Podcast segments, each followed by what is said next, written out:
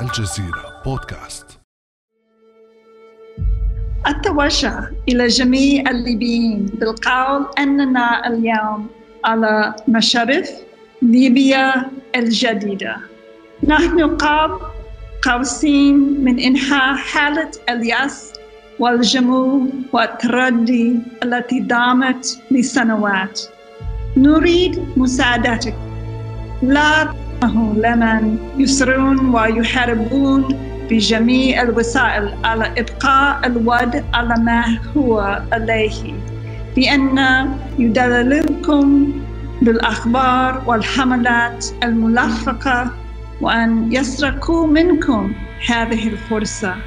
بلغتها العربية المكسرة اختارت رئيسة بعثة الأمم المتحدة في ليبيا ستيفاني ويليامز أن تخاطب جماهير الليبيين من على منصة الأمم المتحدة معطية أملا جديدا في تحقيق مصالحة وطنية ليبية تنهي سنوات الصراع المسلح التي عقبت محاولات اللواء المتقاعد خليفة حفتر الاستيلاء على السلطة. أعادت ويليامز كلماتها على مسامع المجتمعين في الحوار السياسي الليبي في تونس في الوقت الذي كانت تصلهم فيه أخبار مساري الحوار في سويسرا والمغرب فما الذي نتج عن مسارات الحوار الليبي الثلاثة؟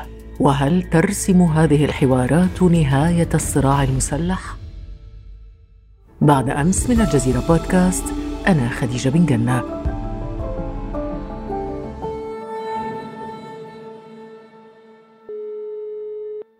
وضيفنا اليوم هو الأستاذ وليد رتيمة الصحفي الليبي. نرحب به. صباح الخير أستاذ وليد. صباح الخير أستاذة خديجة وشكرا جزيلا على هذه الفرصة.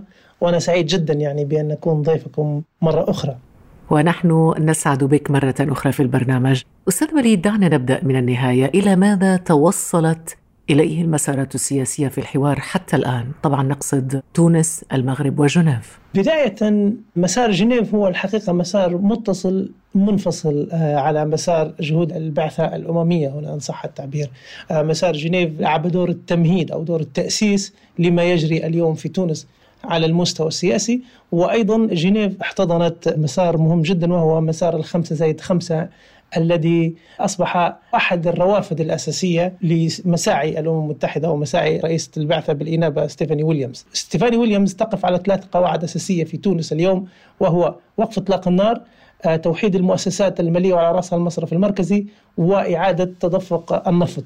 ومن هنا تبني ستيفاني الحل السياسي وماذا عن مسار المغرب أستاذ وليد؟ مسار المغرب مسار آخر ولكن وإن كانت البعثة لم تعارضه باعتباره قد يمثل قاعدة سياسية أخرى لبعد مخرجات أو ما بعد مخرجات حوار تونس ولكن هو مسار آخر اعتنى بمجلس النواب ومجلس اعلى الدولة. حاول يفعل مواد الاتفاق السياسي لأن الاتفاق السياسي ينص بأن الحل يأتي من داخل نص الاتفاق السياسي. لم يتعارض كثيرا لم يشوش على جهود البعثة بحد كبير ولكن هو مسار آخر وجيد أثرى الحالة السياسية في رأيي. آه، أنا في تقديري كل ما تم ضخ المزيد من السياسة في المشهد الليبي نبتعد أكثر عن آه، عن البندقية. آه وماذا عن مسار جنيف أستاذ وليد؟ مسار جنيف هو مسار تأسيسي هو متصل منفصل بمسار الأمم المتحدة. بمعنى أن في جنيف تمت من الناحية السياسية مناقشة القاعدة الأساسية للحديث في تونس. وأعتقد العديد من الأفكار التي تناقش اليوم في تونس هي تم طرحها في جنيف. فبالتالي الفصل بين مسار جنيف ومسار تونس في شوية صعوبة هناك تداخل يعني لأن الأمم المتحدة كانت موجودة في تونس وفي جنيف. على عكس مسار المغرب التي كانت الأمم المتحدة تراقبه عن بعد لا أكثر الآليات التي تحدثت عنها قبل قليل أستاذ وليد والتي ترتكز عليها ستيفاني ويليامز تثبيت وقف إطلاق النار معايير تولي المناصب السيادية توحيد المصرف المركزي وعودة النفط هذه الآليات التي تحدثت عنها أستاذ وليد والتي ترتكز عليها ستيفاني ويليامز هل تضع ليبيا على سكة السلام؟ الحقيقة الإجابة هنا يعني 50 50 كما يقال ارتباط بين السلام والحرب يعني بمعنى حرب متوقفة على نجاح مسار السلام ونجاح مسار السلام متوقف على ابتعاد الأطراف عن خيار الحرب. بمعنى العملية وكأنها متوالية. أنا في تقديري رغم أن أصبح الحديث عن السياسة ياخذ مساحة أكثر في المشهد الليبي ولكن أيضا حتى اللجوء للسلاح ما زال موجود.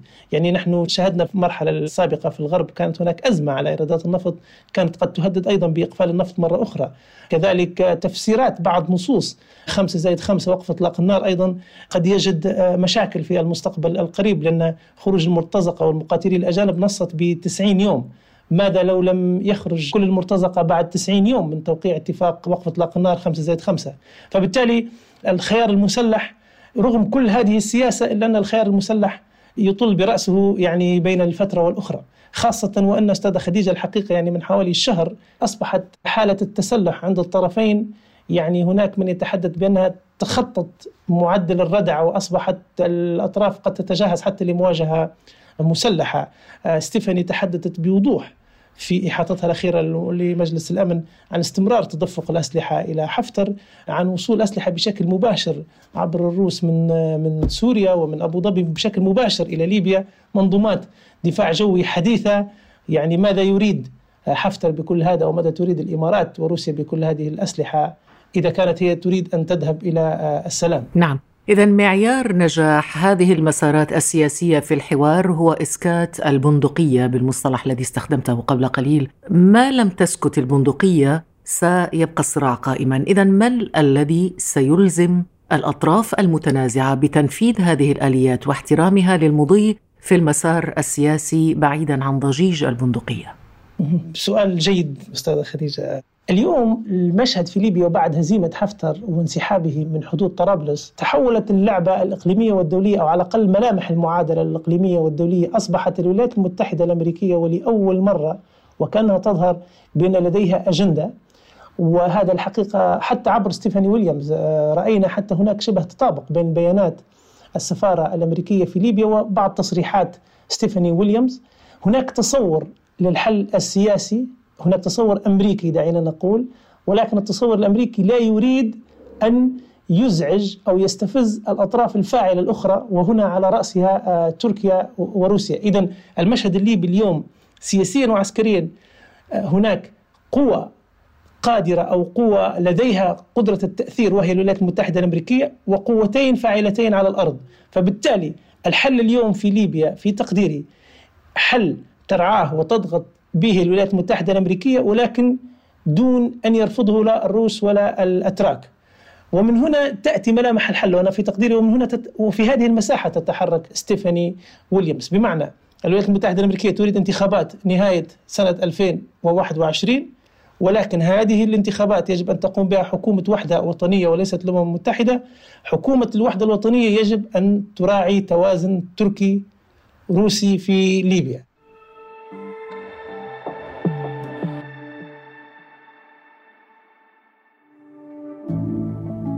على تواصل مستمر مع الجزيرة بودكاست ولا تنسى تفعيل زر الاشتراك الموجود في تطبيقك لتصلك الحلقات يومياً.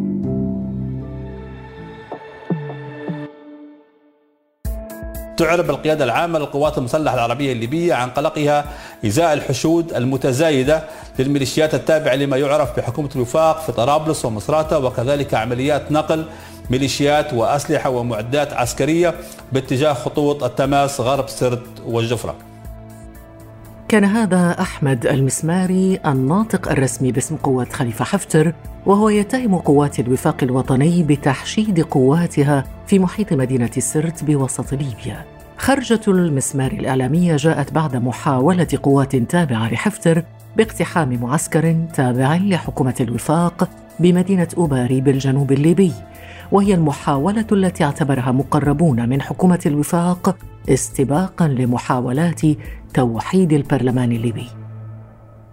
أستاذ وليد الأخبار اذا من محيط سرت لا تشير إلى نزع فتيل الحرب بل بالعكس تؤكد الاستعداد لها كل يحشد على جبهته.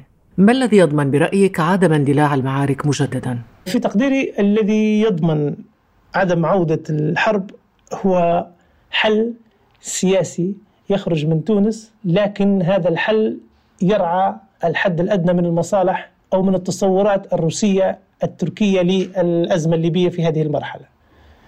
اليوم لن يستطيع أي طرف ليبي أن يخوض حرب بدون أن تكون القيادة روسية أو تركية خاصة يعني رأينا مستوى متقدم جدا من التكنولوجيا لو لا قدر الله اندلعت الحرب من جديد في ليبيا لن تكون حرب يعني عادية الآن أصبح جميع الأطراف تملك طيران مسير، جميع الأطراف تملك قدرات إلكترونية وتكنولوجية عالية. فاليوم فيما لا قدر الله اندلعت الحرب فلن تكون بقرار للأسف لن تكون بقرار ليبي. وهذا أنا أقول هذا وللأسف يعني سوف تكون بقرار دولي إقليمي. فبالتالي من سيمنع اندلاع هذا الحرب هو الحل السياسي. في حال لم يحصل انسداد سياسي في حال ما كان الحل السياسي حل واقعي.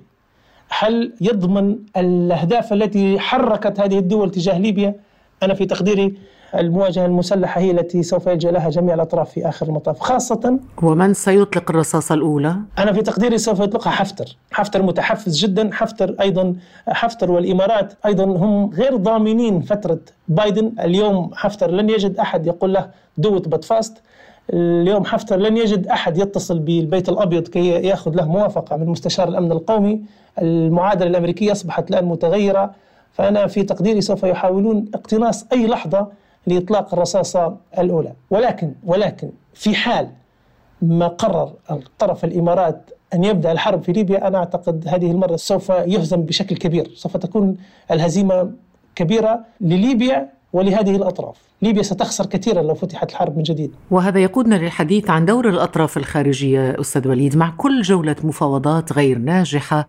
تتبادل القوى القريبة من الأطراف الخارجية التهم بشأن تعطيل الحل. برأيك ما طبيعة الدور الذي تلعبه القوى الخارجية في الأزمة الليبية اليوم؟ للأسف دور فاعل ودور مؤثر يعني.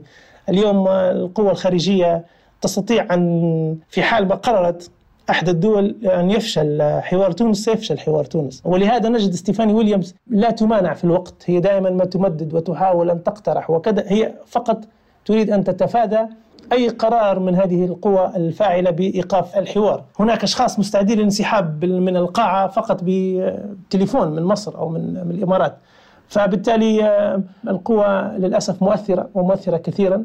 للأسف يعني حجم الانخراط الدولي والإقليمي بعد عدوان حفتر على العاصمة أصبح كبير جدا. ولكن اللاعبون الرئيسيون في هذه المعادلة هم روسيا وتركيا. أنا في تقديري أنا لا أريد أن أدافع على تركيا. تركيا دولة لها مصالح وتريد أن تشتغل لمصالحها.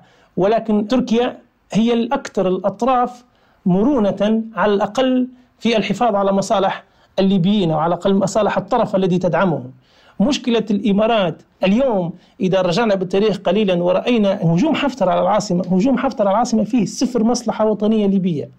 المصلحة الوطنية الليبية الصفر كانت فيه. لا يختم أي طرف ليبي الهجوم على العاصمة. لا يوجد عاقل يفكر أن يهجم على عاصمة بلاده.